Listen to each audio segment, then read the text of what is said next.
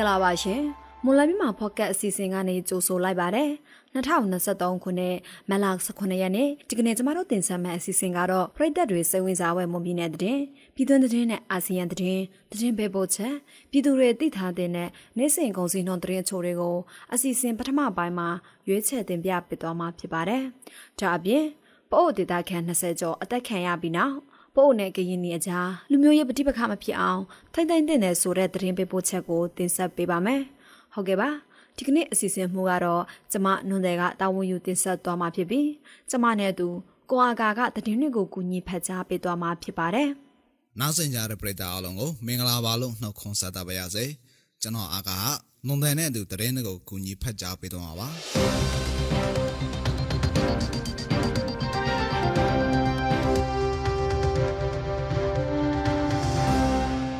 မဦးဆုံးသတင်းတပုတ်အနေနဲ့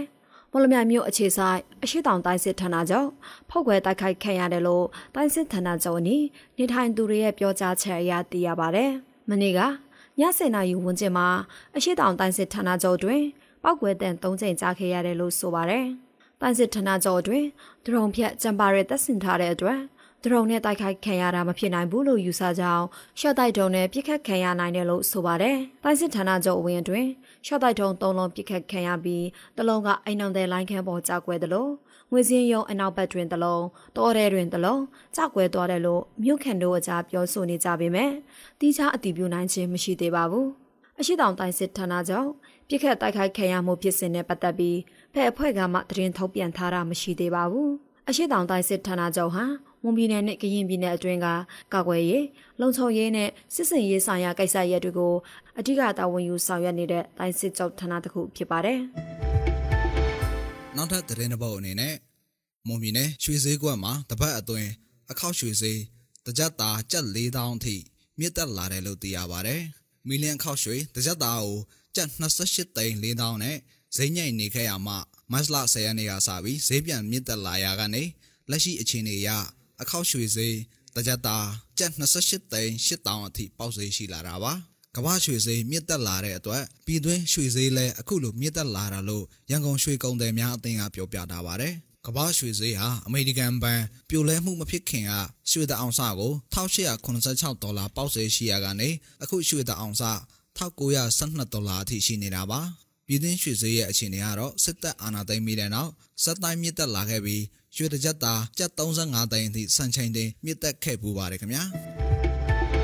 နောက်ထပ်သတင်းတစ်ပုဒ်အနေနဲ့ လက်ရှိမြန်မာနိုင်ငံအတွင်းဖြစ်ပေါ်နေတဲ့ပြည်တွင်းပဋိပက္ခတွေပြည်လဲချုပ်ရန်ရေးအတွက်တရုတ်ပြည်သူသမ္မတနိုင်ငံရဲ့ဂျောင်းဝင်ဆောင်ရွက်မှုအပေါ်ကြိုးဆိုထောက်ခံတယ်လို့ပြည်ထောင်စုငြိမ်းချမ်းရေးဆွေးနွေးညီနိုင်ရေးကော်မတီ FPNCC ကထုတ်ပြန်ခဲ့ပါတယ်။ဝကိုပိုင်အောက်ချုပ်ခွေရဒေတာပန်ခမ်းမြို့နယ်မှာနှစ်ရက်တာကျင်းပခဲ့တဲ့ FPNCC အစည်းအဝေးပြီးထုတ်ပြန်ခဲ့ခြင်းဖြစ်ပါတယ်။ FPNCC ကိုတရုတ်မြန်မာနယ်စပ်တွင်လှုပ်ရှားကြတဲ့တိုင်းရင်းသားလက်နက်ကိုင်အဖွဲ့အစည်းတွေဖြစ်ကြတဲ့ UWSA, KIA NDAA SSPP MNDAA TNLA နဲ့ AA တို့မှခေါင်းဆောင်တွေတက်ရောက်ခဲ့တယ်လို့ထုတ်ပြန်ချက်မှာဖော်ပြထားပါတယ်။ မြမပြည်တွင်းရေးနဲ့ပတ်သက်လို့နေဆက်တတကလူနယ်စုတိုင်းရသားတွေအနေနဲ့ပမာပြည်မနဲ့အလုံးစုံငင်းချင်ရေးတည်ဆောက်ပြီးဖက်ဒရယ်ပြည်ထောင်စုတရက်ကိုတည်ထောင်ကြမယ်လို့ယူဆကြောင်းဆိုပါရယ်။အဲ့ဒီအယူအဆကိုအကောင့်ထဲပေါ်ဖို့နီလန်မျိုးစုံရှိပေမဲ့နောက်ဆုံးမှမိမိတို့လူနည်းစုတိုင်းရင်းသားတွေနဲ့အင်အားနဲ့အစွဲအစတွေကိုသာအားကိုးရမှာဖြစ်တယ်လို့ထုတ်ပြန်ချက်မှာနောက်ထပ်သတင်းတစ်ပုဒ်အနေနဲ့ဗိတ်ရန်ကုန်ခီးစင်တခြားမှာစစ်စရေးဂိတ်တွေပုံမများပြားလာတဲ့အတွက် ခီးစင်ကြံ့ကြာနှောင့်နှေးနေတယ်လို့ခီးသွားပြည်သူတွေစီကသိရပါဗျ။အရင်စစ်တပ်အာဏာမသိမ်းခင်ကဘိတ်ကနေ express ကားတွေနဲ့ရန်ကုန်သွားတဲ့ခီးစင်ဟာတ냐အိတ်ခီးသာချိန်ကြပေမဲ့အာဏာသိမ်းပြီးတဲ့နောက်ကားလမ်းနဲ့မြို့ဝင်လမ်းတွေမှာဂိတ်အတီးတီးချပြီးစစ်ကောင်စီလက်အောက်ခံရဲတွေနဲ့စစ်သားတွေကပိုပြီးစစ်ဆေးလာတာကြောင့်နှစ်ညအိတ်၃ရက်လောက်အထိခရီးစဉ်ကြံ့ကြာနေရတာဖြစ်တယ်လို့သိရပါဗျ။ဒါအပြင်စစ်ကောင်စီရဲ့စစ်စရေးဂိတ်တွေကနေခီးတဲ့တွေကိုစစ်ဆေးမေးမြန်းတာတွေလုပ်ပြီး ငွေကြေးတောင်းခံတာတွေရှိနေတယ်လို့ပြောပါတယ်စစ်ကောင်စီလက်ထက်ဗိတ်ရန်ကိုခီးစဉ်တွေမှာဂိတ်ပေါင်း20ကျော်လောက်အထိတိုးမြင့်ထားပြီးစစ်ဆေးမေးမြန်းမှုတွေများလာတဲ့အပြင်ပြည်내တချို့ကခရီးတဲ့ပြည်သူဆိုရင်ခရီးစဉ်တခြားဂိတ်ကြီးအတွက်တိန်ကနန်းနီးပါးအထိပေးဆောင်နေရကြောင်းသိရပါတယ်ဒါအပြင်စစ်ကောင်စီတပ်သားတွေကခီးသွားပြည်သူကားတွေပေါ်မှာလိုက်ပါစီးနင်းလာတာမျိုးတွေလုပ်နေတာကြောင့်ခရီးသည်တွေကြောင်းရွံ့ထိတ်လန့်နေရတယ်လို့သိရပါတယ်ခင်ဗျာထိုင်းနိုင်ငံကင်ချနာပူရီခရိုင်ထဲမှာ မနေ့ကတရားမဝင်မြန်မာတွေတင်ဆောင်လာတဲ့ကားတစ်စီးလမ်းခလက်မှာဘိန်းပေါက်သွားလို့ရက်နာစဉ်တာဝန်ရှိသူတွေလာရောက်စစ်ဆေးပြီးကားပေါ်ကမြန်မာ33ဦးလုံးအဖမ်းခံလိုက်ရတယ်လို့ဆာယာရက်ထိုင်းတဲ့မှာဖော်ပြထားပါတယ်။မနက်3နာရီခွဲလောက်ကကစနာဘူရီမြို့နယ်ကစနာဘူရီဆိုင်းရောက်သွားကားလမ်းမကြီးတနေရ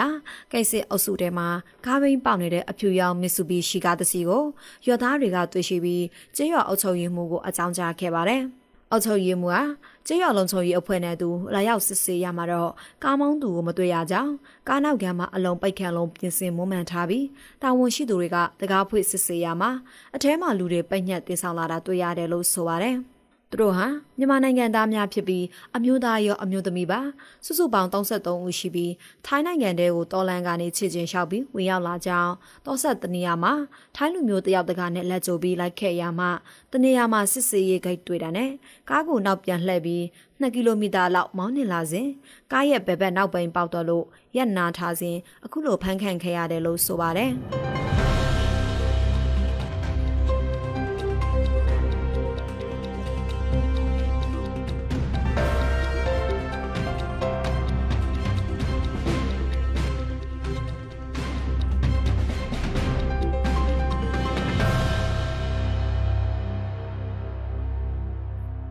ဆက်လက်ပြီးပြည်သူတွေသိထားတဲ့နေ့စဉ်ကုန်စည်နှုန်းသတင်းအချို့တွေကိုမလမြိုင်ကုန်စည်တိုင်းကအချက်အလက်တွေကိုအခြေခံပြီးကျမနွန်တဲ့ကတင်ဆက်ပေးပါအောင်မယ်။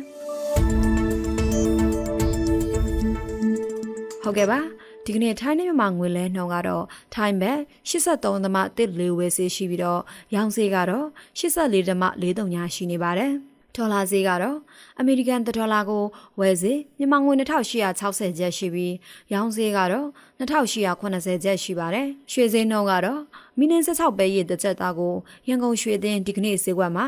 22သိန်းဝန်းကျင်ရှိနေပြီးအပြင်ပေါက်ဈေး28သိန်းအထက်မှာရှိနေပါတယ်။73စီတွေကတော့ဒီဇယ်တလီတာကို2080ကျပ်အပ်သိန်း62တလီတာကို2055ကျပ်နဲ့65တလီတာကို2150ကျပ်ထိရှိနေပါတယ်။ စံစင်းနှုန်းကတော့အကောင်းစားပေါ်စမှု108ပေါင်ကိုအမြင့်ဆုံး9200ကျပ်အလလတ်တန်းဆက်အမျိုးအစားပေါ်ကျွဲ108ပေါင်အနှိမ့်ဆုံးကို6000ကျပ်နဲ့အမထဆန်တွေကတော့108ပေါင်အနှိမ့်ဆုံးကို9600ကျပ်နဲ့အမြင့်ဆုံးကို9800ကျပ်ထိရှိနေပါတယ်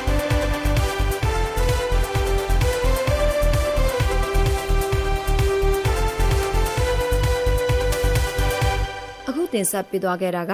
မက်လ18ရက်နေ့မှာဖြစ်ပျက်ခဲ့တဲ့မွန်ပြည်နယ်တည်ပြည်တွင်းတည်နဲ့အာဆီယံတည်တွေအပြင်တနေ့တာစီစဉ်ငွေစင်းနဲ့ကုန်စည်နှုန်းတွေကိုတင်ဆက်ပေးသွားတာဖြစ်ပါတယ်။ဆက်လက်ပြီးတော့ပအုပ်ဒေတာခန့်20ကျော်အသက်ခံရပြီးနောက်ပအုပ်နဲ့ကရင်နေရကြလူမျိုးရဲ့ပဋိပက္ခမဖြစ်အောင်ထိုင်ထိုင်တင်နေဆိုတဲ့သတင်းပေးပို့ချက်ကိုတော်တာကတင်ဆက်ပေးပါမယ်။ရှမ်းပြည်နယ်တောင်ပိုင်းပင်လောင်းမြို့နယ်နမ်နေနန်းနိတ်ကျွော်မှာ တန်ကတော့၃ပါအပါဝင်ပအုပ်ဒေတာခန့်20ကျော်အသက်ခံရပြီးနောက်ပအုပ်နဲ့ကရင်ပြည်အကြားလူမျိုးရေးပဋိပက္ခမဖြစ်အောင်ထိမ့်သိမ်းတည်တယ်လို့နိုင်ငံရေးအတိုင်းဝိုင်းကြားတိုက်တွန်းလျက်ရှိနေပါတယ်။အဲ့ဒီဒေဆုံးမှုနဲ့ပတ်သက်လို့ပအုပ်တိုင်းရင်းသားတွေပြင်စစ်ကောင်စီနဲ့ဒေါ်လာရေးအင်အားစုများကြားအပြန်အလှန်ဆွဆွဲလျက်ရှိနေပါတယ်။လက်ရှိအချိန်ဟာပအုပ်နဲ့ကရင်ပြည်အကြားလူမျိုးရေးပဋိပက္ခဘာသာရေးပဋိပက္ခတွေစစ်ကောင်စီကဖန်တီးနေတယ်လို့ ပအုပ်အမျိုးသားဖက်ဒရယ်ကောင်စီ PNFC ဥက္ကဋ္ဌခုံမြင့်ထုံးကပြောပါတယ်အခုချိန်မှာကျွန်တော်အမ်တန်စိတ်မကောင်းတာကတော့ပိုးနဲ့ဂရနီကြားမှာလူမျိုးရေးပဋိပက္ခရောဘာသာရေးပဋိပက္ခတွေရောစစ်ကောင်စီကဒါကောက်ကျစ်စွာနဲ့ဖန်တီးတာဖြစ်ပါတယ်။ဒီနေ့ကျွန်တော်တို့အခုဒီပေါ့ဒီပင်လောင်းဆောင်းပြောင်းဒေတာဆိုတာကပိုးကိုယ်ပိုင်အုပ်ချုပ်ခွင့်ရဒေတာလို့ဆိုတော်လဲပဲပိုးတွေပဲနေတာမဟုတ်ကျွန်တော်တို့အထူးသဖြင့်ကျွန်တော်တို့ပြောစမတ်စကားတစ်ခွန်းရှိပါတယ်အဲဘာလို့ဆိုရင် ပိုးရှိရင်ကယန်းရှိတယ်ကယန်းရှိရင်ပိုးရှိတယ်အထူးသဖြင့်ကယန်းတိုင်းရင်းသားများနဲ့ကျွန်တော်တို့ပိုးတွေဟာအတူတကွကျွန်တော်တို့မောင်နှမတွေအနေနဲ့မိသားစုတွေနဲ့ဒီလိုဆောင်ရွက်နေကြတာဖြစ်ပါတယ်။ဒါကြောင့်ကျွန်တော်တို့เนี่ยဒီနေရာပန်ကြားချင်တာအိုးပြည်သူတွေရောကရဏီပြည်သူတွေဒီရောဒီစစ်ကောင်စီရဲ့လက်ညာဝါဒဖြန့်တာတွေကိုဒါတွေကိုမယုံကြဖို့လိုတယ်။နောက်တစ်ခုကတော့ကျွန်တော်တို့ကရဏီနဲ့ပိုးကြားမှာရှိတဲ့ကျွန်တော်တို့မိသားစုစိတ်ဓာတ်ကိုအပြုတ်ပွဲမခံဘဲနဲ့မိသားစုစိတ်ဓာတ်ကိုဆက်လက်ဆက်လျှောက်ဖို့ လိုတယ်ဆိုတာကိုကျွန်တော်တင်ပြကြပါဒါအပြင်နာယကဦးအောင်ခမ်းသီဦးဆောင်တဲ့ PNO PNA ပြည်သူစစ်အနေနဲ့စစ်ကောင်စီနဲ့ပူးပေါင်းဆောင်ရွက်နေတာကိုပြန်လည်သုံးသပ်ပေးဖို့ခုံမြင့်ထုံကတောင်းဆိုခဲ့ပါတယ်။လက်ရှိတနိုင်ငံလုံးမှာရှိတဲ့တော်လန်ရေးလက်နက်ကိုင်တွေအနေနဲ့ပုံသဘောတူညီချက်တစ်ခုအပေါ်မှာရက်တည်ရန်လိုအပ်တယ်လို့ပြဿနာဖြစ်လာပါကအချင်းချင်းညှိနှိုင်းကြဖို့လိုအပ်တယ်လို့ရခိုင်နိုင်ငံရေးသမားဦးဖေတန်းကပြောပါတယ်အဓိကတော့တော်လိုင်းရေးနဲ့ပတ်သက်လို့တော်လိုင်းရေးအင်အားစုတွေက အာဒါမဟာမိတ်ဖွဲ့တာတို့နော်တူပြီးတော့ဟိုဒီစီမင်းစီကန်တစ်ခုပေါ်မှာအာဒါဟိုပြည်ငင်ပေါ့နော်ပြည်ငင်တစ်ခုခုဟိုတိဆောက်ထားတာတို့မရှိဘူးဗျအဲအဲ့ဒီအဲ့လိုအခြေအနေကြောင့်ဒါပို့တိတ်မှုတွေကအာအရာလေးတစ်မျိုးဘေးတိတ်တစ်မျိုးအမျိုးမျိုးဖြစ်နိုင်တယ်အဲတစ်ခါကလည်းဟိုတွေးခွဲပြီးတော့ဟိုစီယုံတာလည်းဖြစ်နိုင်တယ်ပေါ့ပြီးတော့လက်ရှိ EAO တွေပေါ့နော်တနိုင်ငံလုံးမှာရှိတဲ့ EAO တွေက ဘုံသဘောတူညီချက်တစ်ခုပေါ်မှာရပ်တည်ဖို့လိုတယ်ပြဿနာတစ်ခုဖြစ်လာရင်အချင်းချင်းအရင်ညှိနှိုင်းဖြေရှင်းဖို့လိုတယ်နော်အဲ့လိုအဖွဲ့အစည်းအောက်မှာဆိုရင်တော့အဲ့ဒါဖြစ်နိုင်တယ်ပရိပကဖြစ်တဲ့နှစ်ဖွဲ့ချင်းဖြေရှင်းမယ်ဆိုရင်လည်းအဲတိတ်မဖြစ်နိုင်ကြဘူးပြီးတော့ဒီကိစ္စမျိုးကိုတော့ဟောဒီလောလောဆယ်ပရိပကကိုပဲဖြစ်ဖြစ်ရေရှည်နိုင်ငံရေးကိုအတွက်ပဲဖြစ်ဖြစ်အဲဒါအဖွဲ့အစည်းတွေကတတ်နိုင်တယ်မြစူးစီးပြီးတော့နော်ဒါအဖြေရှာဖို့လိုတယ်အဲအဲ့လိုမှသာလဲကျွန်တော်တို့ကဒါ တကယ်တမ်းစစ်မှန်တဲ့အဖြေဆိုတာဖြစ်လိမ့်မယ်။နှုတ်မလို့ဟိုဘက်ကအတန်တစ်မျိုးထုတ်ဒီဘက်ကအတန်တစ်မျိုးထုတ်အားကြားကအများထုတ်အဲ့ပုံစံမျိုးဖြစ်သွားနိုင်တယ်။လက်ရှိမြန်မာနိုင်ငံမှာတိုင်းရင်းသားလူမျိုးစု135မျိုးရှိတယ်လို့ဌာနဆိုင်ရာတွေရဲ့တရားဝင်ထုတ်ပြန်ချက်တွေရသိရပါတယ်။အဲ့ဒီလိုမတူကွဲပြားတဲ့လူမျိုးစုတွေကြားနယ်မြေအငင်းပွားမှုဘာသာရေးပဋိပက္ခတွေလူမျိုးရေးပဋိပက္ခတွေဖြစ်ပွားခဲ့တဲ့ဖြစ်စဉ်တွေလည်းရှိခဲ့ပါတယ်။